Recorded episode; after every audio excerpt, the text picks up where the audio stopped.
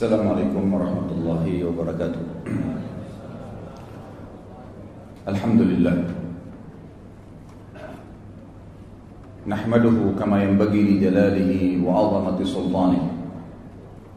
نحمده حمد الحامدين ونشكره شكر الشاكرين. ونسلم على عبده ورسوله وحبيبه محمد كما صلى هو ملائكته عليه.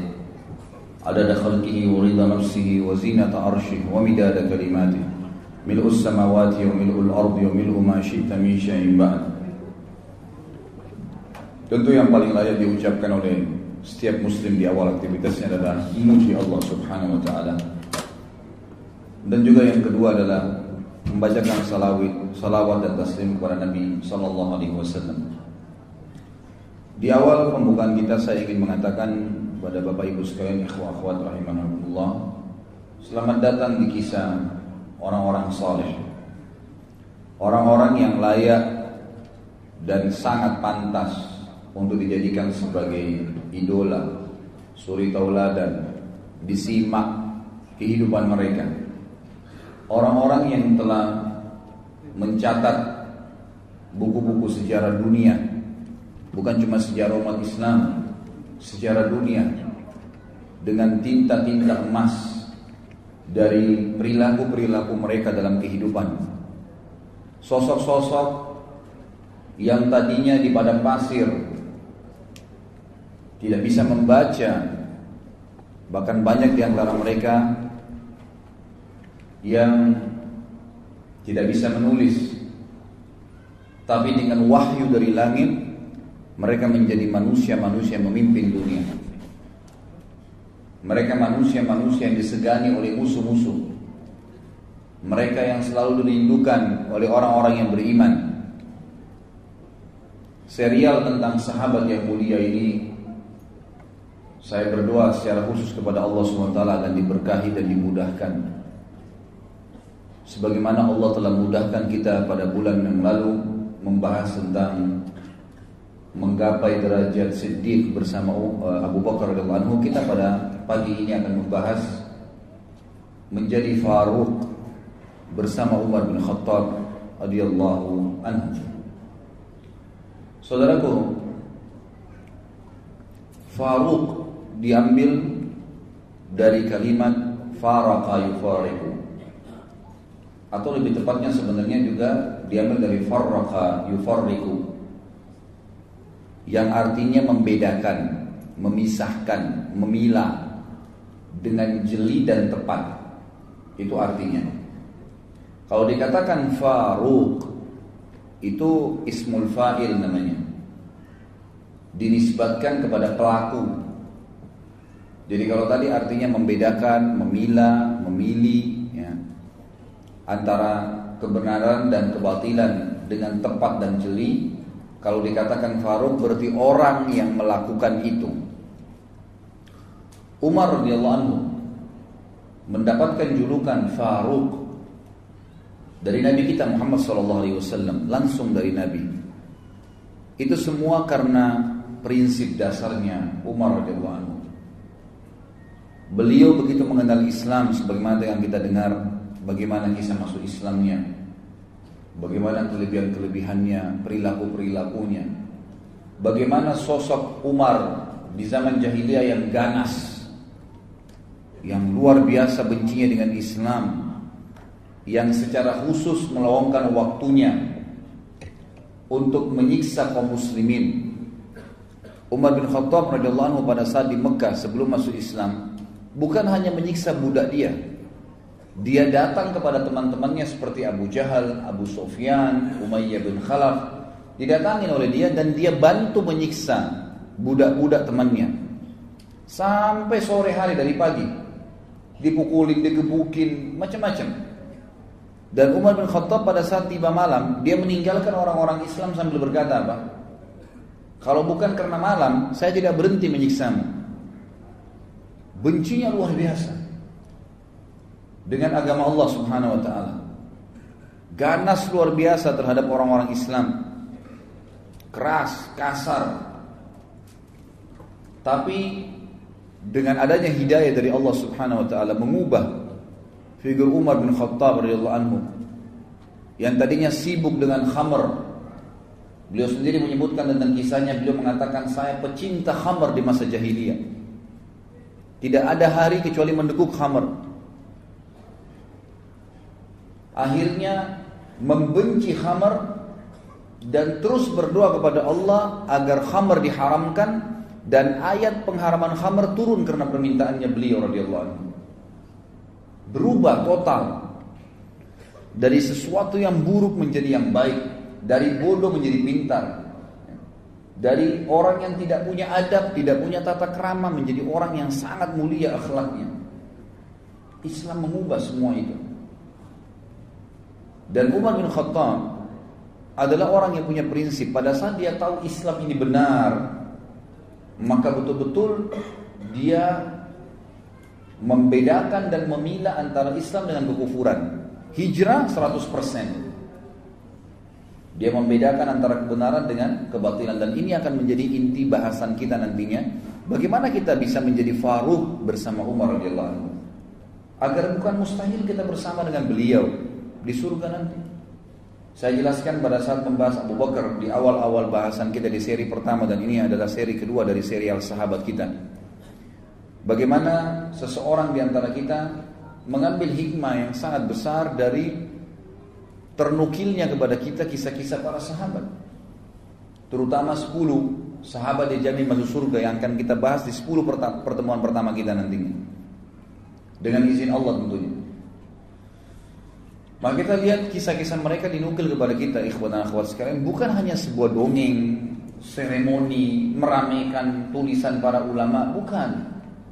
Agar setiap orang beriman di antara kita mengambil pelajaran dari kisah mereka bukan mustahil kita bisa menjadi orang yang sedih bersama Abu Bakar bukan mustahil kita menjadi orang yang faruk bersama Umar dan akan bulan depan kita akan bahas membeli surga dengan harta bersama Uthman bin Affan radhiyallahu anhu majma'in. Setelahnya kita akan bahas Ali menjadi prajurit yang dicintai oleh Allah dan Rasulnya bersama Ali bin Abi Thalib Allah anhu majma'in. Kisah-kisah mereka ternukil kepada kita, terukir dengan sangat lengkap, terinci apa perilaku-perilaku mereka selama mereka hidup agar kita menjadi mengambil pelajaran dan bukan mustahil kita bersama mereka di surga. Bukankah ada 70 ribu dari umat Muhammad SAW yang masuk surga tanpa hisab? Bukankah ada hadis lain yang mengatakan dan Nabi SAW meminta lagi kepada Allah dimudahkan maka Allah memudahkan di setiap satu orang dari 70 ribu itu membawa 70 ribu yang lainnya. Semoga Allah SWT menjadikan kita termasuk di antaranya. Masuk surga tanpa hisab bersama dengan orang-orang yang sudah dimuliakan oleh Allah SWT dari kalangan sahabat Nabi Ridwanullahi alaih. Umar bin Khattab ini punya banyak sekali fadilah. Tetapi yang dititik beratkan adalah bagaimana Umar bin Khattab ini bisa ditakuti, disegani oleh musuh-musuh Allah sampai pada tingkat syaitan pun takut dengan Umar. Padahal Umar gak melihat syaitan itu. Kira-kira apa kata kuncinya? Di pembukaan ini saya akan sebutkan dan penulis buku menyebutkan tentang masalah itu. Beliau mengatakan, ini adalah Al-Faruq. Menyebut namanya menghiasi majlis pertemuan setiap orang yang beriman. Padanya terbaca kebenaran ungkapan.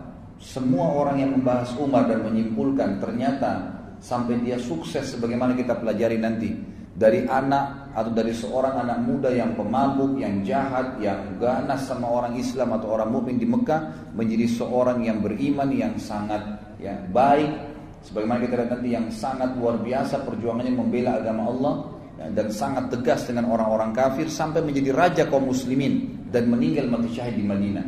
Ternyata kata kuncinya kata beliau adalah barang siapa yang takut kepada Allah, takut kepada Allah, niscaya Allah akan membuat segala sesuatu takut padanya. Jadi rahasianya Umar bin Khattab ditakutin nanti kita lihat sama musuh-musuhnya dari kalangan manusia dan jin pun jin kalau melihat Umar bin Khattab nanti kita jelaskan hadisnya lewat di sebuah lembah Umar nggak lihat dia sengaja cari lembah lain karena takut dengan Umar radhiyallahu anhu. Kata kuncinya karena Umar bin Khattab sangat takut dengan Allah Subhanahu wa taala. Disebutkan cirinya adalah beliau kalau mendengar atau membaca Al-Qur'an terlintas ayat tentang azab, maka beliau pingsan. Setiap kali dengar ayat pasti pingsan. Bahkan pernah sekali beliau baca Quran itu pingsan ya, dan sadar beberapa saat kemudian dan merasa sakit tubuhnya karena takutnya dengan ayat tersebut selama sebulan. Dan para sahabat mengunjunginya karena sak, dianggap sakitnya tadi. Tidak pernah kena apa-apa nggak ada penyakit khusus tapi karena takut pada saat membaca tentang ayat azabnya Allah Subhanahu Wa Taala. Di kedua bawah matanya kelopak matanya ada garis berwarna hitam. Dan ini tidak mudah kulit seseorang itu bisa bergaris warna hitam dan seperti ada lubang mengalirnya tempat air. Ini karena banyaknya Umar bin Khattab menangis kepada Allah Subhanahu wa taala setelah masuk Islam. Sebagaimana juga mudah-mudahan nanti akan ada beberapa kisahnya. Dialah laki-laki yang terang-terangan tentang Islamnya pada saat orang menyembunyikan Islam itu sendiri. Dia yang sengaja mengorbit Islamnya Nanti juga akan kita lihat kisahnya. Dia laki-laki ikhwan dan sekalian yang menambal bajunya pada saat menjadi khalifah dan memakai baju biasa dan tidak punya pengawal. Tidak pernah takut kecuali kepada Allah Subhanahu wa taala. Dialah laki-laki yang syaitan lari darinya. Dialah laki-laki yang tidak pernah tidur malam hari kecuali sudah memastikan dan lagi kaum muslimin yang susah pada saat itu. Dialah laki-laki yang merupakan mujahid terbesar ya, yang dicatat dalam sejarah karena di zaman Umar bin Khattab disepakati oleh para sejarah, sejarawan muslim adalah masa ekspansi Islam terbesar runtuhnya ya, kerajaan Persia secara keseluruhan. Rusia Afghanistan Iran Irak semua wilayah Persia dulu itu runtuh di, zaman Umar radhiyallahu anhu gitu. begitu pula wilayah sebagian besar wilayah Romawi negeri Syam ya, kemudian Mesir wilayah Afrika takluk ya dari dua sisi. Timur dan baratnya dunia ini takluk di zaman Umar bin Khattab dan masuk Islam pada saat itu. Berapa banyak pahala yang beliau panen radhiyallahu anhu dan nanti akan kita jelaskan masalah itu. Dialah dikatakan orang yang tidak mau makan sampai kelaparan pada saat masyarakatnya ditimpa peceklik dikenal dengan amramada nanti akan kita jelaskan juga masalah itu. Dialah orang yang selalu mengucapkan kebenaran walaupun pahit dan tidak pernah takut kecuali kepada Allah Subhanahu wa taala. Kata penulis Dialah Faruk umat ini yang telah mengguncangkan singgasana orang-orang zalim, meruntuhkan benteng-benteng eh, raja-raja Kisra dan kaisar Romawi. Orang-orang sombong lagi congkak tunduk kepada ya, uh, keadilannya. Bendera kezaliman tertunduk di depan panji keadilannya. Dialah orang yang sangat zuhud, seorang ulama ahli ibadah, pencemburu terhadap orang-orang yang melanggar hukum Allah, dan juga orang yang sangat takut kepada Allah Subhanahu wa taala.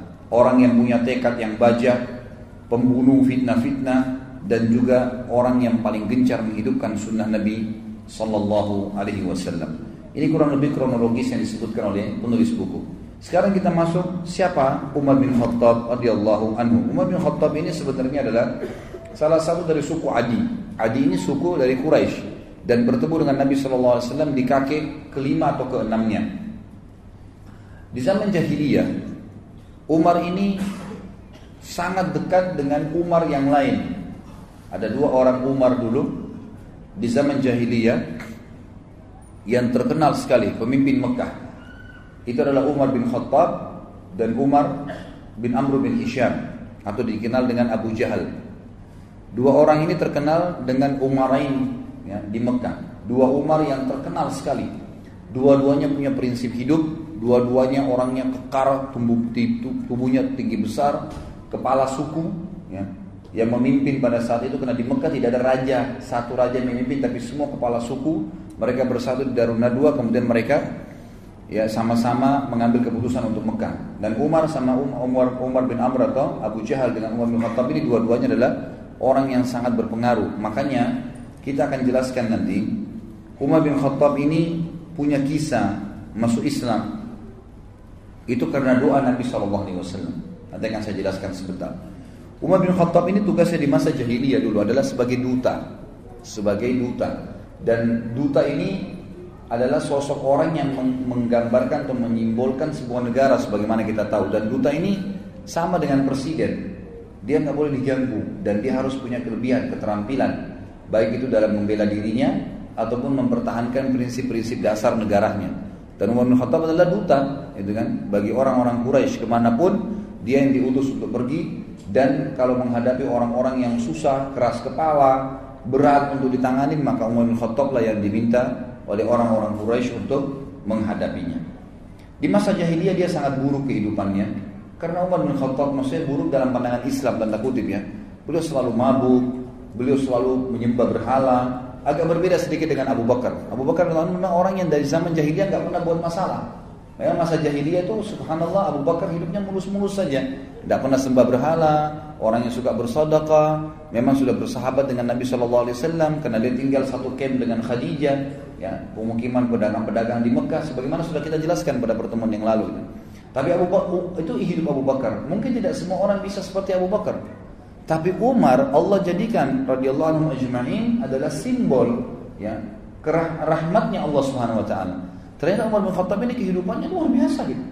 Di masa jahiliyah, mabuk tiap hari, tiap hari nyiksa umat Islam, tiap hari nyembah berhala, beragam macam kesalahan dikerjakan oleh Umar bin Khattab radhiyallahu anhu, gitu kan? Maka dengan datangnya Islam, Allah SWT menunjukkan rahmatnya. Asal orang mau taubat, orang mau berubah, orang mau mengikuti kebenaran, Allah tidak akan lihat masa lalunya. Allah tidak akan lihat masa lalunya. Umar bin Khattab ini berselisih para ulama tentang bagaimana kisah masuk Islamnya. Paling tidak ada tiga riwayat yang dinukil oleh penulis buku.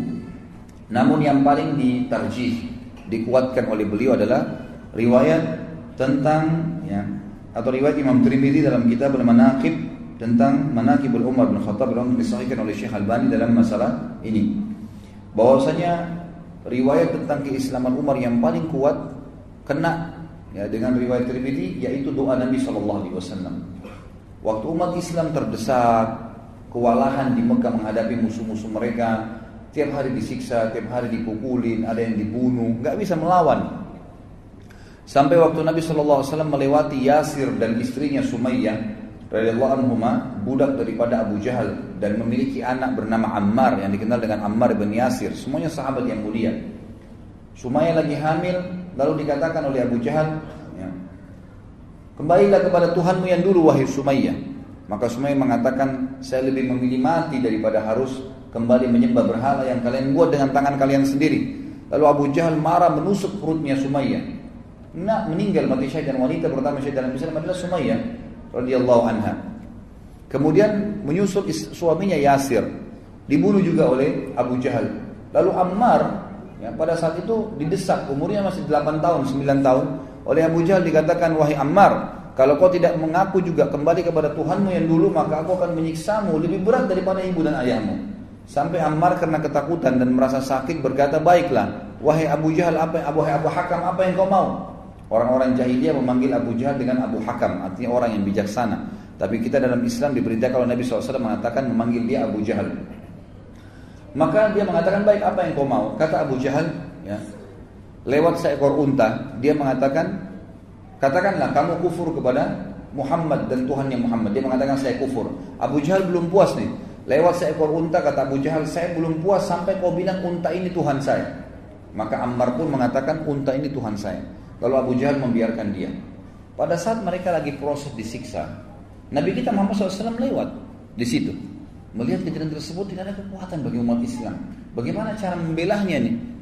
Maka Nabi SAW cuma mengucapkan kalimat Sabran ala Yasir fa inna mau'idakumul jannah Sabarlah wahai keluarganya Yasir Pasti kalian dengan mati ini masuk surga Lalu Nabi SAW lewat menuju ke rumah beliau Ammar pun mengikuti Nabi SAW lalu berkata, Ya Rasulullah, saya telah kufur. Ibu saya dan ayah saya dibunuh oleh Abu, Abu Jahal. Dan saya pun dipaksa, akhirnya saya mengucapkan secara terpaksa saya kufur kepada risalah anda. Dan saya juga mengatakan unta Tuhan saya. Maka kata Nabi SAW, Wahai Ammar, kalau besok kau dilakukan lagi, kau diperlakukan lagi yang sama dengan Abu Jahal, ucapkan apa yang dia mau. Karena sungguhnya kau tidak kufur, hatimu tidak seperti itu. Maka turunlah firman Allah Subhanahu wa taala yang menjelaskan tentang perilaku Ammar ini. Illa man ukriha wa qalbu mutmainnun bil iman. Tidak masuk kekufuran kalau orang itu sebenarnya mengucapkan kalimat kufur karena terpaksa sementara hatinya penuh dengan keimanan. Turun kepada Ammar radhiyallahu anhum ajma'in. Pada saat itulah Nabi SAW berdoa. Mengatakan dalam doanya Allahumma izzal islama bi ahadin bi ah bi ah bi ahab hadaini rajulaini ilai bi Abi Jahal bin Hisham dalam riwayat dikatakan bi Umar ya bin Amr bin Hisham dan yang kedua au bi Umar bin Khattab. Hadis ini sebagaimana saya jelaskan dari riwayat Tirmidzi dan disahihkan oleh Syekh Albani. Artinya ya Allah, kata Nabi SAW dalam doanya, muliakanlah Islam ini dengan salah satu dari dua orang yang paling engkau cintai. Itu Abu Jahal Ibn Hisham, Umar bin Amr bin Hisham atau Umar bin Khattab. Kata perawi hadis dari keduanya ternyata yang lebih Allah cintai adalah Umar bin Khattab sehingga Allah memberikan hidayah. Ini pendapat yang dikuatkan oleh penulis mengatakan ini pendapat yang paling kuat tentang masuk Islamnya Umar bin Khattab. Yang kedua adalah kisah yang lain tentang masuk Islamnya Umar bin Khattab dan ini dinukil oleh um, Imam Bukhari dalam kitab sahihnya. Kisahnya kurang lebih bahwasanya Umar bin Khattab ini pernah marah dengan Nabi Shallallahu Alaihi Wasallam jadi setelah melihat kejadian di Mekah, simpang siur, setiap hari orang bicara tentang Muhammad, Muhammad, Muhammad, Muhammad. Terus pengikutnya Muhammad disiksa, orang Quraisy bertengkar, berkelahi, suku sama suku saling bermusuhi, suku sama suku saling bertengkar, gitu kan? Suami istri terpisah dengan suaminya. Oh, bin Khattab bilang Muhammad sudah gila nih. Gitu. Saya harus bunuh Muhammad. Itu perkataan Umar bin Khattab di awal. Saya harus bunuh Muhammad. Maka dia pun keluar dengan baju perangnya, membawa pedangnya gitu kan keluar khusus untuk membunuh Nabi sallallahu alaihi wasallam gitu kan. Lalu dia pun mendatangi Abu Jahal dan berkata kepada Abu Jahal pada saat itu Abu Jahal mengatakan saya akan memberikan 100 ekor unta yang membunuh Muhammad maka Umar berkata betulkah yang kau bilang hai Abu Jahal dia bilang iya. Baik, Umar bin Khattab keluar membawa pedangnya sekaligus menyatukan antara hadiah yang dikejar 100 ekor unta itu dengan ya, bencinya dengan Nabi Shallallahu Alaihi Wasallam pada saat itu. Dan ini ya, sebagaimana saya sebutkan tadi di sini ditulis diriwayatkan oleh Imam Bukhari dalam kitab Manaqibul Ansar bab Islam Umar bin Khattab. Dikatakan maka Umar bin Khattab pun jalan dan Kemudian menuju ingin mencari Nabi SAW waktu itu dia tidak tahu Nabi SAW itu di mana. Ketemulah dia dengan seseorang yang bernama Nuaim bin Abdullah. Nuaim bin Abdullah ini seorang sahabat sudah masuk Islam dari keluarganya Umar. Lalu dia bertanya, wahai Umar, mau ke mana kamu? Kata Umar, saya ingin membunuh Muhammad yang telah mengacaukan seluruh Quraisy ini. Kata Nuaim waktu itu, dia khawatir Umar bin Khattab ini terkenal orangnya. Kalau sudah ngambil prinsip mau membunuh, dia tidak akan pulang sampai dia membunuh atau dia yang dibunuh. Itu prinsip dasarnya. Selalu begitu di masa, masa jahiliyah. Dan dia terkenal hampir sama kekuatan fisiknya sama Hamzah radhiyallahu anhu. Ya, ajma'in. Hamzah ini terkenal dulu kalau berburu di Mekah itu berburu singa, harimau, dibunuh, berburu ya. Lalu kemudian dia pikul harimau atau singa sendiri di pundaknya. Karena kuatnya Hamzah radhiyallahu dan Umar bin Khattab juga sama. Terkenal dua orang ini kalau berburu berburunya bukan rusa, bukan kelinci, bukan kambing liar, unta, enggak. Dia berburu singa, harimau, dibunuh sendiri kemudian dipikul di pundaknya masuk ke Mekah, dikulitin dimakan sama dia. Jadi memang orang-orang yang sangat kuat secara fisik. Umar bin Khattab ini karena tegasnya maka Nuaim bin Abdullah ini takut radhiyallahu anhu jangan sampai dia betul-betul datang membunuh Nabi SAW ini. Bagaimana caranya? Maka dia pun akhirnya terlintas dia bilang tidak ada di benak saya waktu itu kecuali saya ingin mengalihkan Umar agar tidak menuju ke rumah Nabi SAW. Waktu itu Nabi sedang berada di Darul Arqam, rumah salah seorang sahabat ya, yang terkenal dijadikan sebagai basis dakwah Nabi SAW. Maka Nabi Abdullah berkata radhiyallahu anhu, wahai Umar, apakah kau mengira nanti suku Abdul Muttalib dan suku Hashim, suku Nabi SAW akan membiarkan kamu kalau kau bunuh Muhammad? Dia bilang saya nggak peduli. Walaupun dua suku itu berperang dengan saya sendiri. Betul-betul prinsip dasar mau membunuh ini, gitu kan? Lalu kata Nuaim bin tidak tegas di mana saya kepada saya itu kecuali satu hal. Saya bilang, kenapa kamu sibuk mengurus Muhammad, ayat Umar? Sementara adikmu sendiri Fatimah, Fatimah bin Khattab, ini adik kandungnya Umar bin Khattab perempuan, dengan suaminya ada iparmu Said bin Zaid. Said bin Zaid radhiyallahu adalah salah satu dari sepuluh yang masuk surga nantinya, gitu kan? Itu adik iparnya Umar bin Khattab. Jadi Umar sama adik iparnya dua-dua dapat jaminan surga. Dari 10 sahabatnya masuk surga. Sa'id bin Zaid ini. Mereka sudah masuk ikut agamanya Muhammad. Bagaimana bisa kau sibuk dengan Muhammad sementara keluargamu sendiri belum kamu urus? Maka Umar marah mengatakan, apakah benar Fatimah adikku sudah sabah, ya, artinya sudah keluar meninggalkan agama Tuhannya? Kata uh, Nuaim, iya benar, silakan kau pastikan sendiri. Maka Umar bin Khattab waktu itu tidak tahu di mana Nabi SAW berada dan dia tahu rumah adiknya, dia menuju ke rumah adiknya. Jalan dari ke rumah adiknya. Tiba di rumah adiknya, ternyata adiknya Fatimah binti Khattab dan suaminya Sa'id bin Zaid sedang belajar Al-Quran dari seorang sahabat tadinya bekas budak yang dibebaskan oleh Abu Bakar namanya Khabbab bin Arad. Khabbab bin Arad adalah guru Al-Quran, dia ajar mengaji lagi dengan ayat. Begitu mereka dengar suara langkah Umar bin Khattab, dalam beberapa asar dikatakan Umar ini saking badannya besar, kalau dia melangkah suara kakinya terdengar. Maka didengar oleh Fatimah dan mereka tahu itu adalah langkah Umar. Dengan suaranya juga dikenal dari Umar. Maka mereka pun menyembunyikan Khabbab bin Arad di kamar. Kemudian menyembunyikan beberapa lembaran Al-Quran yang waktu itu masih tertulis di kulit-kulit unta. Lalu Umar mengetuk pintu tidak dibukakan lalu dia mendobrak pintu dan rubuh pintu itu. Kemudian dia berkata kepada Fatimah dan Said, adiknya dan adik iparnya, apa tadi yang saya dengar itu? Apakah itu yang Muhammad ajarkan? Kata Fatimah, tidak ada sesuatu yang kau dengar. Apa yang kau dengar tadi? Ya, Lalu dia mengatakan, tadi saya dengar. Ya, tidak usah kalian rahasiakan. Perlihatkan kepada saya itu. Waktu itu kebetulan lembaran Al-Quran dipegang oleh Fatimah. Lihat, disembunyi di belakang badannya tapi kelihatan. Umar mengatakan, pasti itu yang kamu pegang, berikan kepada saya. Fatimah memang mau. Maka Umar menampar adiknya. Waktu ditampar keluar darah jatuh. Suaminya Said bin Zaid berusaha mendekat, gitu kan? Waktu mendekat dipukul juga sama Umar. Jatuh dua-duanya. Waktu jatuh Umar sudah tinggal mengambil kertas saja tapi Allah eh, kulit itu saja. Tapi Allah SWT memudahkan waktu itu hatinya Umar terbuka. Dia lihat adiknya jatuh berdarah belum pernah dia mukul adik kandungnya sendiri. Maka dia pun mengatakan, "Kenapa kau selalu terlalu ngotot mempertahankan ini?" Kata adiknya, "Jangan kau pegang hai Umar. Karena kau najis, nggak mungkin kamu bisa memegang ini. Kau masih dalam keadaan kafir.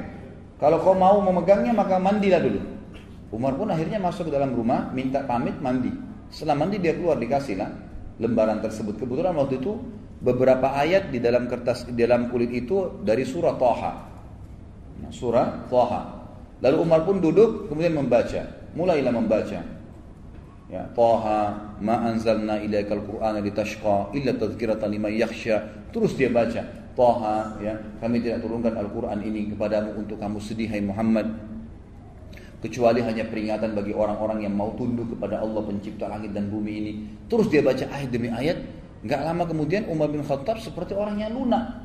Kita bisa lihat kalau orang lagi tubuhnya dalam keadaan sombong, yang dia kuatkan, dia tegarkan dengan orang yang lagi lunak, gitu kan beda.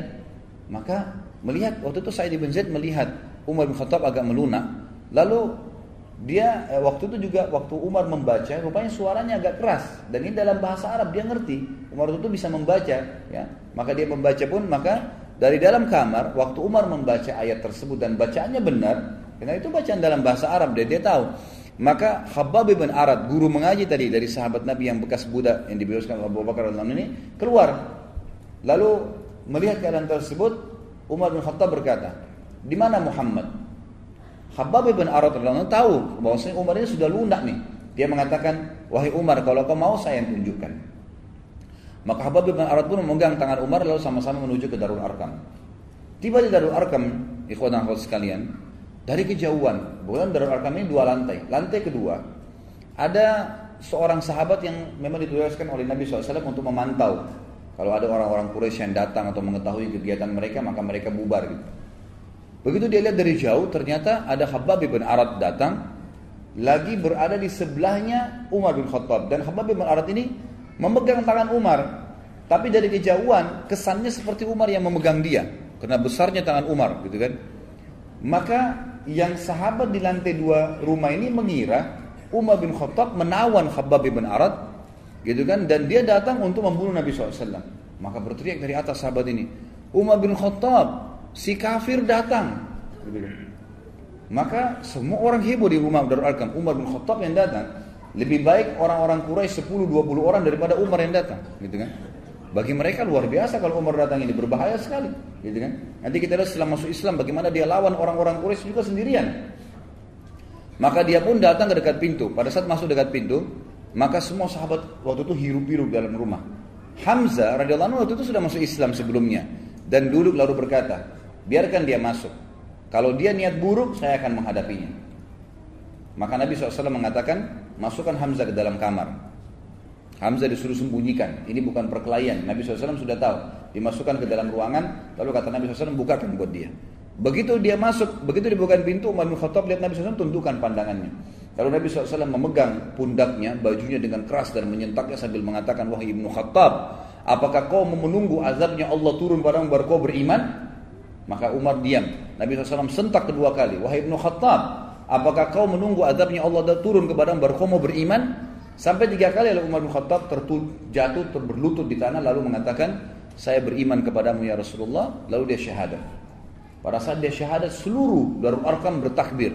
Karena besarnya takbir kaum muslimin, bangga dengan Umar masuk Islam, terdengar sampai di dekat Ka'bah takbir mereka. Gitu kan? Jadi saking besarnya. Ini salah satu kisah yang berhubungan dengan masuk Islamnya Umar bin Khattab. Riwayat yang lain maksud saya. Riwayat yang ketiga adalah riwayat yang dinukil oleh Imam Ahmad ya. Mohon maaf, bukan. Riwayat di sini dikatakan sebenarnya di sanadnya dhaif ya. Sanadnya dhaif tapi ini disebutkan oleh Imam Al-Dhabi dalam Al-Mizan. Ini dikarenakan karena riwayat ini terdapat Abdurrahman bin Harith seorang rawi yang jujur sebetulnya tapi dia memiliki kekeliruan dalam meriwayatkan hadis. Jadi sebenarnya dhaifnya lemah pun tidak terlalu lemah. Ya karena dia bukan pembohong, dia bukan ahli maksiat, cuman dia kadang-kadang keliru kalau menyampaikan hadis. Lafadznya ada yang tertukar. Maka didaifkan. Tapi ulama tentu nanti saya simpulkan akan menggabungkan tiga riwayat dan mengatakan tidak ada yang berbentrok satu sama yang lain. Intinya Umar bin Khattab sudah masuk Islam dan akhirnya menjadi seorang sahabat yang mulia. Ibnu Ishaq menukil dalam buku sirahnya tentang Ummu Abdullah binti Abi Hasma ya. radhiyallahu anha pada saat dia bilang dia cerita Ummu Abdullah ini bercerita demi Allah ketika kami sedang bersiap-siap berangkat ke negeri Habasyah mau berangkat ke negeri Habasyah maka eh, suaminya Amir namanya sedang menunggu di sebuah lembah yang cukup jauh dari Mekah Supaya tidak kelihatan maka satu-satu keluar gitu. Ummu Abdillah ini kebetulan masih punya hubungan kerabat dengan Umar bin Khattab dan waktu itu terkenal terdengar di orang-orang Quraisy bahwa muslimin sudah mau hijrah, mau melarikan diri dari Mekah dan orang-orang Quraisy berjaga-jaga. Termasuk Umar bin Khattab yang berjaga-jaga, ya berusaha menahan umat Islam jangan sampai hijrah ke Habasyah. Ada yang hijrah dibunuh, gitu kan berusaha dibunuh. Ummu Abdillah ini punya hubungan kerabat dengan Umar dan dia bersama dengan anaknya Abdullah ingin menyusul suaminya ke sebuah lembah yang sudah cukup jauh dari Mekah. Pada saat dia mikul-mikul barangnya, melewatin lembah demi lembah, tiba-tiba sebelum keluar dari pintu gerbang Mekah, ada Umar bin Khattab berdiri. Kagetlah Ummu Abdillah ini. Lalu Ummu Abdillah berkata, Sungguh kami mendapatkan ujian berat melalui kalian. Maksudnya orang-orang musyrik Mekah. Ya. Kami tidak pernah dibiarkan oleh kalian. Mau beriman pada Allah di Mekah, diganggu. Mau hijrah pun ditahan. Umar bin Khattab kaget waktu itu melihat Umar Abdillah karena kerabatnya perempuan, ya. Kemudian malam-malam bawa barang, pikul-pikul, bawa anaknya masih kecil Abdullah yang waktu itu masih umur 2 atau 3 tahun, ya. Lalu Umar kesian mengatakan, wahai Umar Abdillah, mau ke mana kamu? Kata dia, saya mau ke Habasyah, mau hijrah. Karena kami nggak bisa ibadah menyembah Allah di sini. Kalian paksa kami untuk menjadi musyrik. Maka Ummu Abdillah kaget waktu itu berkata, ya, saya tiba-tiba melihat ada lunak dalam hati Umar dan tiba-tiba saja dia mengatakan semoga keselamatan bersama Muhammadillah pergilah. Padahal Umar bin Khattab ini sudah niat keluar untuk membunuh siapa pun orang Islam yang hijrah gitu. Pada saat bertemu Ummu Abdillah ini dengan suaminya di lembah yang sudah janjian di luar Mekah, tiba-tiba suaminya tanya, tadi Ummu Abdillah, ada nggak orang yang kau temuin dari Quraisy? Kata Ummu Abdillah, nggak ada, kecuali Umar, gitu kan. Kata suaminya, Umar bin Khattab itu musibah yang besar, gitu kan. Itu bahaya sekali kalau kau ketemu dengan dia. Lalu kata Umar Abdillah, tapi dia sempat lunak. Dia bahkan mengatakan kepada saya, semoga selam, engkau selamat wahai Umar Abdillah. Mudah-mudahan menjadi penyebab masuk Islamnya, gitu kan. Lalu kata Amir, Amir ini suaminya Umar Abdillah. Dia mengatakan, orang yang engkau lihat tadi itu Umar bin Khattab maksudnya tidak akan pernah masuk Islam sebelum keledainya Al-Khattab masuk Islam. Jadi mustahil masuk Islam orang itu, gitu kan. Ini kata sahabat ini. Karena luar biasa Umar benci dengan Islam pada saat itu. Gitu kan? Jadi kalau seandainya orang yang kau lihat itu mau masuk Islam, mesti keledainya Khattab, keluarga Khattab, maksudnya keluarganya Umar semua, itu syahadat baru dia bisa syahadat tuh orang. Gitu. Saking sulitnya gitu. Maka akhirnya di, di kisah ini disebutkan sampai di situ dan akhirnya Umar bin Khattab benar masuk Islam kemungkinan bisa saja dari doanya Ummu Abdillah tadi yang disebutkan. Ya. Jadi itu di antara riwayat yang dinukil kepada kita. Pertama tentang doa Nabi Shallallahu Alaihi Wasallam dan ini yang paling kuat. Yang kedua tentang uh, uh, adiknya Fatimah dan Sa'id bin Zaid radhiyallahu anhu yang sudah masuk Islam lalu Umar membaca surah Taha dan yang ketiga adalah tentang masalah kisah Ummu Abdillah. Ada riwayat yang lain juga dinukil oleh sebagian ya, ulama dan dinukil juga oleh beliau di sini adalah Umar bin Khattab pernah bercerita sendiri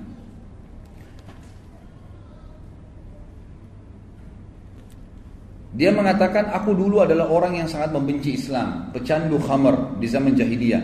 Aku sangat menyukai dan selalu meminumnya. Kami mempunyai sebuah tempat di sana orang-orang Quraisy berkumpul untuk minum-minum dan mabuk-mabuk. Ya. Dan pada saat itu satu malam aku keluar untuk berkumpul dengan teman-temanku untuk mabuk-mabuk. Lalu aku melihat ya Rasul ini Umar cerita setelah dia masuk Islam ya.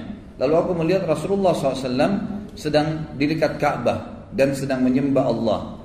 Maka aku pun berkata, cobalah aku mendengarkan apa yang disampaikan oleh Muhammad. Ini riwayat lainnya. Lalu kemudian aku pun menyelipkan diri di antara kiswanya Ka'bah. Sampai mendekat tidak ada yang memisahkan antara aku dengan Muhammad kecuali kiswa Ka'bah. Lalu aku dengarkan apa yang dibaca oleh Muhammad sehingga menyentuh hatiku. Lalu aku pun akhirnya mendengarkan suara dari Nabi Shallallahu Alaihi Wasallam setelah hatiku tersentuh. Apa yang membuatmu datang ke sini wahai Ibnu Khattab? Maka aku menjawab, aku datang untuk beriman kepada Allah dan Rasulnya serta kepada apa yang dibawa oleh Rasulnya. Maka Rasulullah SAW pun memuji Allah sambil berkata, Allah telah memberimu petunjuk wahai Umar. Kemudian Nabi SAW mengusap dadaku kata Umar dan mendoakanku agar aku bisa teguh. Kemudian aku meninggalkan beliau dan beliau masuk ke dalam rumahnya. Ini dinukil oleh beliau di footnote nomor 15 dikatakan diriwayatkan oleh Atha dan Mujahid tentang Islamnya Umar. Ibnu Ishaq juga menyebutkan di dalam buku sirahnya bahwasanya Abdullah bin Abi Naji al-Makki menyampaikan kepadaku dari Ishaq dan sanatnya ini mursal tapi memiliki penguat-penguat dari riwayat-riwayat yang lain. Ringkas cerita adalah Umar bin Khattab dari empat riwayat, jadi bukan tiga tadi, empat riwayat ini ya semua dinukil bahwasanya bagaimana beliau masuk Islam. Terlepas daripada itu kata ahli sejarah dan penulis buku secara khusus mengatakan ini ya kalau kita mau gabungkan semua riwayat tetap riwayat yang paling kuat tadi adalah riwayat yang menceritakan dari doa Nabi Shallallahu Alaihi Wasallam. Memang kalau doa Nabi maka semua jadi penyebab beliau akhirnya masuk Islam dan kasuistik tadi yang lainnya semua karena penyebab beliau masuk Islam saja. Lalu kita masuk setelah masuk Islam. Pada saat Umar bin Khattab mengucapkan syahadat, maka yang paling pertama dia lakukan dua hal. Begitu dia syahadat depan Nabi SAW dia melakukan dua hal. Yang pertama adalah dia langsung bertanya, kata Abu Umar radhiyallahu dalam riwayat yang sahih, riwayat Imam Bukhari, disebutkan bahwasanya pada saat Umar bin Khattab masuk Islam syahadat, dia menanyakan kepada para sahabat, siapakah di antara orang-orang Quraisy yang paling tidak bisa pegang amanah? Lisannya langsung suka gosipin orang. Kata beberapa sahabat di sebelah Umar, Jamil bin Muammir ada seseorang yang bernama Jamil bin Muammir. Coba temuin ya, uh, um, uh, uh, orang ini mengatakan itu namanya Jamil bin Muammir. Lalu Umar bin Khattab mengatakan di mana dia? Kata sebagian orang di dekat Ka'bah. Ibnu Umar yang menukir riwayat ini mengatakan saya lalu mengikuti ayah saya. Pada saat menemui ya Jamil bin Muammir ini lagi duduk depan Ka'bah, ayahku pun mendekati sambil berkata, "Wahai Jamil, apakah kau belum tahu apa yang terjadi dengan saya?" Kata Jamil, "Tidak." Ada apa wahai Ibnu Khattab? Lalu kata Umar, saya sudah menjadi pengikut Muhammad, gitu kan? Lalu kata Abdullah bin Umar, belum belum sempat Umar bin Khattab ayah saya masih mau ceritain nih bagaimana masuk Islamnya. Jamil bin Muammir ini memang tukang gosip yang super, gitu kan? Sampai dia bilang belum dengar ceritanya apa, berdiri langsung menuju ke dekat Ka'bah, ya tanpa melihat wajah ayah saya sedikit pun lalu berkata dekat Ka'bah, Umar bin Khattab telah murtad, telah sabak, sabak itu menyembah selain Allah, selain Tuhan-Tuhan mereka. Maka orang-orang Quraisy pun datang dan akhirnya mengeroyoki Umar. Ya, mengeroyok Umar. Waktu Umar ditanya oleh orang-orang sebelum dikeroyokin, wahai Umar, apa kau sudah sabah? Sabah itu berarti sudah murtad dari agama kita. Menyembah selain berhala-berhala yang kami sembah. Kata Umar, tidak, saya enggak sabah, saya enggak murtad, tapi saya sudah asyhadu an la ilaha illallah wa anna muhammad rasulullah. Malah dia syahadat depan mereka, gitu kan. Maka dalam riwayatnya dikatakan Umar bin Khattab pun dikeroyokin oleh orang-orang Quraisy. Riwayat yang ini riwayat menjelaskan maka Umar pun dikeroyokin orang Quraisy lalu dia berkelahi sama mereka dari pagi itu sampai sore. Sendirian dia lawan gitu kan. Pada saat Umar bin Khattab capek, letih, ada dua riwayat di sini. Riwayat yang pertama menjelaskan, khusus masalah riwayat yang pertama ya. Nah, nanti riwayat yang kedua tentang bagaimana setelah masuk Islam, apa perilakunya. Ini masih riwayat yang pertama tapi khusus masalah pada saat dia dikeroyokin ada dua riwayat lagi. Di sini menjelaskan. Riwayat yang pertama adalah Umar bin Khattab berkelahi sampai dia lelah. Begitu dia lelah, Umar bin Khattab duduk di tanah, Sambil berkata, lakukan apa, apa yang kalian mau lakukan. Silakan pukulin saya terserah. Demi Allah kalau kami ada jumlahnya 300 orang saja yang sudah beriman sama Allah, maka kami memiliki Mekah kalau kalian jadi atau kalian jadi pemilik Mekah. Artinya kami terus akan berkelahi dengan kalian sampai Mekah ini takluk. Gitu kan? Kalau kami 300 orang. Riwayat yang lain mengatakan, waktu Umar bin Khattab letih, Umar bin Khattab balik melihat siapa di antara yang sedang keroyokin dia yang berkelahi ini pemimpinnya Quraisy. Ada ditemukan ada satu pimpinan Quraisy waktu itu tidak disebutkan namanya, dipegang ya badannya sama Umar, ditidurkan di tanah, lalu sama Umar ditusuk matanya. Umar bilang, kalau kau tidak suruh, jadi Umar lagi digebukin nih, tapi orang itu di bawahnya Umar, Umar tusuk matanya. Umar bilang, kalau kau tidak berhentikan mereka, matamu akan saya butakan. Maka dia pun teriak, lepaskan Umar, Umar sudah gila mau butain mata saya. Gitu. Akhirnya orang-orang pada tinggalin Umar waktu itu. Itu itu riwayat yang berhubungan dengan masalah waktu dikeroyokin. Riwayat yang lain menjelaskan, tapi ini riwayat sebenarnya yang pertama lebih kuat, ya, karena diriwayatkan oleh Imam Bukhari. Kalau ini riwayat lebih hasan, ya diriwayatkan hasan ada sebagian mendoifkannya. Tapi yang jelas riwayatnya juga dipegangi oleh sebagian ahli sejarah karena penguat dia. Waktu Umar bin Khattab masuk Islam, dia berkata kepada Nabi SAW, Ya Rasulullah, bukankah kita dalam keadaan benar? Ini baru syahadat nih, belum belajar banyak hukum gitu kan. Apakah kita bukan kita dalam keadaan benar kata Nabi SAW benar? Bukankah orang Quraisy dalam keadaan salah? Batil menyembah berhala salah. Karena tadi sebelumnya dia sudah menyembah berhala, gitu kan? Kata Nabi SAW benar. Kata Nabi SAW kalau kata Umar kalau begitu kenapa kita tinggal ya Rasulullah? Ayo kita perangin aja, gitu kan? Padahal ini masih baru berapa belas orang, gitu kan? Maka Nabi SAW waktu itu mengatakan sabarlah wahai ibnu Khattab, sesungguhnya Allah belum perintahkan itu padaku. Jadi ini riwayat yang lain tentang perilaku Umar bin Khattab pada saat dia masuk Islam. Penulis buku di sini langsung pindah ke kisah bukan lagi di Mekah. Karena di Mekah tidak terlalu banyak kisahnya Umar bin Khattab anhu, tapi kita masuk ke kisah lebih banyak nanti bagaimana dia setelah masuk Islam, bagaimana pada saat dia hijrah, dimulai dengan pada saat hijrah, bagaimana pada saat hidup di Madinah, peperangan-peperangan yang dia hadiri bersama Nabi SAW, janji-janji Nabi SAW kepada diri beliau pribadi, kemudian juga apa perilaku beliau pada saat beliau jadi khalifah itu akan banyak fokus di situ. Pada saat Umar bin Khattab hijrah akan hijrah, di sini ditulis oleh beliau hijrah yang merendahkan martabat orang-orang musyrik. Dinukil dalam sebuah riwayat, ya, riwayat disebutkan oleh Imam Tirmidzi, mohon maaf, ini disebutkan oleh Ibnu Athir dalam Usudul Ghaba dan ini dengan sanad yang sahih. Dan kabar ini juga dikatakan disebutkan dalam buku Ar-Riyadun Nadhirin atau Ar-Riyadun Nadirah ya. Ini disebutkan juga dengan riwayat-riwayat yang sahih.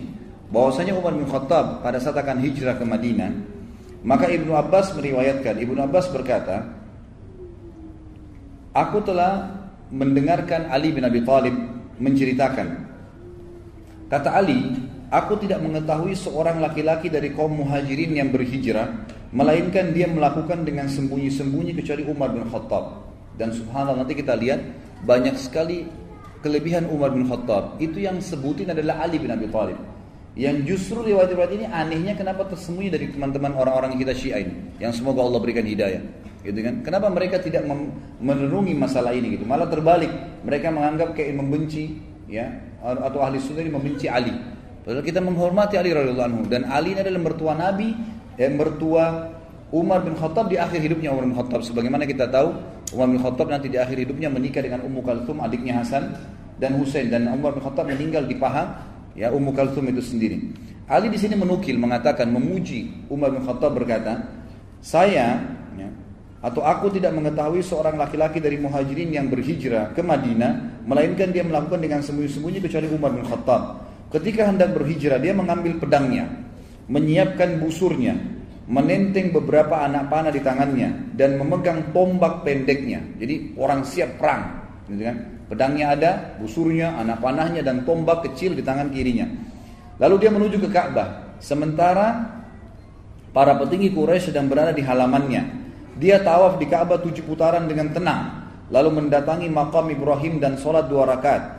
Kemudian dia berdiri di hadapan mereka satu persatu dengan berkata, jadi setelah tawaf menghadap ke orang-orang Quraisy, ini yang banyak puluhan jumlahnya, dia menghadap lalu dia berkata, wajah-wajah buruk Allah tidak menghinakan kecuali hidung-hidung ini.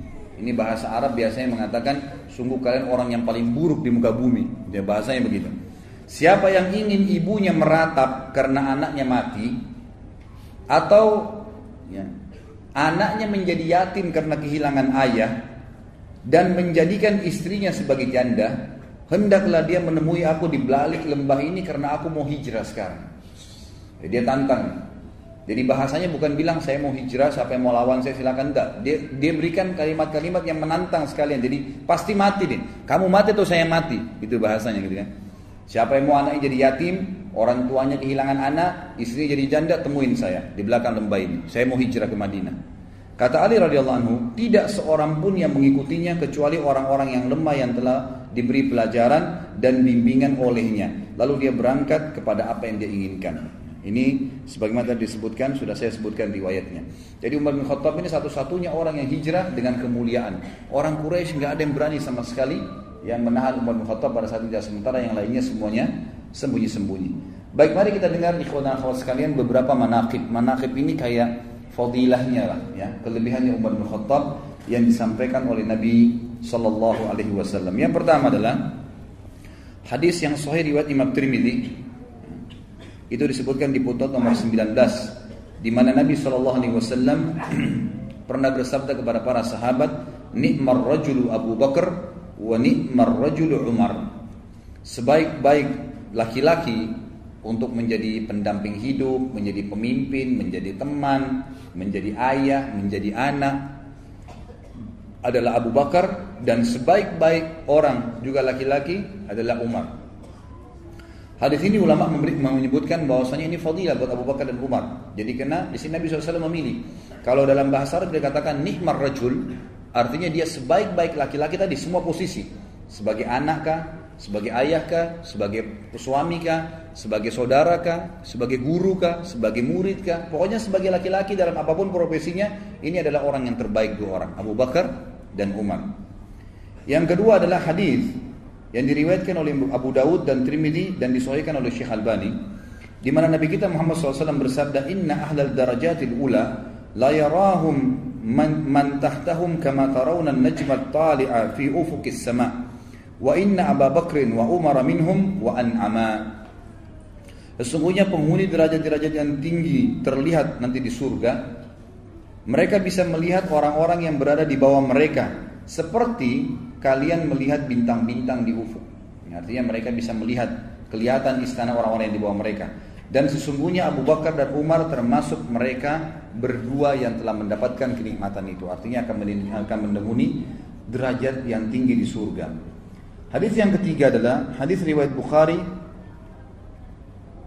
dan Imam Muslim. Dua-duanya meriwayatkan Nabi SAW bersabda, "Laqad kana fi man qablakum minal umami nasun muhaddatsun min ghairi an yakunu anbiya. Fa in yakum fi ummati ahadun fa innahu Umar." Di antara umat-umat sebelum kalian dulu ada orang-orang yang diberikan ilham oleh Allah berbicara kemudian menjadi hukum. Allah tentukan menjadi hukum dari lisan mereka.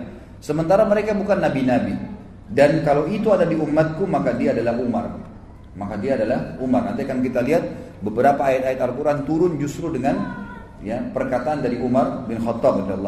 Ini fadilah yang ketiga. Fadilah yang keempat, mohon maaf, masih fadilah yang ketiga, tapi riwayat yang lain. Dikatakan oleh Nabi SAW, "Laqad kana fi man kana qablakum min bani Israel rijalun yukallimuna min ghairi an yakunu anbiya, fa iyyakum fi ummati minhum ahadun fa Umar." Di kalangan orang-orang sebelum kalian dari Bani Israel terdapat orang-orang yang diberikan ilham dan mereka bukan para nabi. Berbicara tapi jadi hukum akhirnya. Allah SWT tentukan menjadi hukum. Sementara nabi-nabi mereka masih hidup ya. Wahyu lagi turun. Sehingga perkataan mereka dinukil oleh Allah di dalam kitab-kitab nabi mereka gitu kan? Karena sesuai dengan apa yang Allah inginkan. Jika pada umatku terdapat seseorang demikian dia adalah Umar. Dia adalah Umar. Fadilah yang selanjutnya ini fadilah yang keempat. Hadis yang diriwayatkan oleh Imam Tirmidzi. Juga disahihkan oleh Syekh Albani. Anas bin Malik dan Ali bin Abi Thalib radhiyallahu anhuma keduanya berkata bahwa Rasulullah SAW pernah bersabda kepada Abu Bakar, eh, kepada Ali bin Abi Thalib tentang Abu Bakar dan Umar. Nabi berkata kepada Ali bin Abi Thalib, Hadani sayyida kuhuli ahli jannah minal awwalina wal akhirin illa nabi illa nabiyina wal mursalin la tukhbirhuma ya Ali Dua orang ini wahai Ali tuannya seluruh orang-orang dewasa penghuni surga dari kalangan orang-orang dulu semuanya orang-orang dulu sahabat-sahabatnya Nabi Nuh sahabat-sahabatnya Nabi Saleh Nabi Shu'aib teman-temannya semua ya orang-orang terdahulu ini Abu Bakar dan Umar adalah tuannya mereka nanti di surga. Kecuali para nabi-nabi dan rasul. Dan jangan kau katakan ini kepada keduanya wahai Ali. Artinya jangan sampaikan kepada mereka karena jangan sampai mereka malah jadi salah faham. Ini termasuk fadilah Abu Bakar dan Umar yang disatukan dalam hadis ini oleh eh, Nabi Shallallahu Alaihi Wasallam bahwasanya mereka pemimpin penghuni surga. Hadis yang agung yang lain adalah riwayat Imam Ahmad, riwayat Imam Tirmidzi dan disahihkan juga oleh Syekh Albani. Hadis yang luar biasa fadilah Umar. Kata Nabi SAW, "Lau kana min ba'di nabiyyun lakana Umar bin Khattab." Kalau ada nabi setelahku, maka pasti itu adalah Umar bin Khattab. Jadi berarti jelas Umar bin Khattab kalau ada nabi setelah Nabi SAW dialah nabi. Artinya kita jadi ikutin gitu kan. Saking luar biasa kedudukannya di mata Allah SWT dan Rasulnya Muhammad Sallallahu Alaihi Wasallam. Fadilah yang selanjutnya yang keenam adalah disebutkan diriwayatkan oleh Imam Ahmad dan Tirmidzi dan disahihkan juga oleh Syekh Albani kata Nabi sallallahu alaihi wasallam inna Allah taala ja'ala al-haqq ala lisani Umar wa qalbi sesungguhnya Allah telah menjadikan kebenaran pada lisan dan hati Umar jadi sampai pada tingkat apa pun yang dia ucapkan apa yang dia niatkan dalam hatinya semuanya itu kebenaran dibantu oleh Allah subhanahu wa taala Ibnu Umar berkata, tidak ada sesuatu perkara yang menimpa manusia di zaman Nabi SAW Lalu mereka berpendapat tentang perkara tersebut dan Umar pun berpendapat tentang perkara tersebut kecuali Al-Quran turun sejalan dengan pendapat Umar. Ya, ini dinukil dalam riwayat Imam Ahmad. Kemudian juga Tariq ibn Shihab, ini salah satu ulama tabi'in yang masyhur ya, belajar dari para sahabat berkata, kami berbicara di antara kami, di antara semua tabi'in, waktu itu Umar masih hidup, bahwasanya ada malaikat yang berbicara melalui lisan Umar bin Khattab. Jadi seperti apa yang diucapkan itu semua sesuai dengan syariat. Nggak ada yang keluar dari situ. Ini sahih riwayat Imam Ahmad. Kemudian disebutkan juga dalam fadilah yang ketujuh. Ya. Fadilah yang dalam hadis ya. Kalau tadi Abdullah bin Umar itu dan Tariq bin Syihab itu pujian mereka. Tapi sini hadisnya adalah fadilah yang ketujuh. Nabi SAW pernah melihat Umar bin Khattab dalam hadis riwayat Ahmad dan Abdul Razak dan dihasankan oleh Syekh Albani. Nabi SAW pernah melihat Umar bin Khattab memakai baju putih. Lalu Nabi SAW menanyakan, barukah Umar atau baju bekas? Pernah dicuci? Kata Umar, baju bekas ya Rasulullah. Lalu Nabi SAW mengucapkan doa dan doa ini akhirnya menjadi doa yang dianjurkan untuk setiap muslim mengucapkan kepada muslim yang lain kalau pakai baju baru. Ilbis jadidan wa ish hamidan wa mud syahida. Semoga kau selalu pakai baju baru, hai Umar.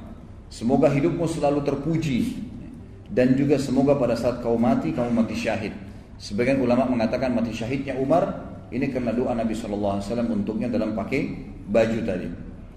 Fadilah yang selanjutnya yang ke-8 adalah pernah Nabi SAW hadis ini riwayat Bukhari dan juga Abu Daud dan Tirmidzi.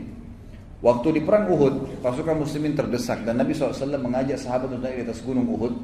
Waktu itu Nabi SAW didampingi oleh Abu Bakar, Umar dan Uthman radhiyallahu ajma'in. Maka tiba-tiba goncanglah Uhud. Maka Nabi SAW bersabda, "Uthbut Uhud fa inna alaika fama alaika illa nabiyyun wa siddiqun wa syahidan.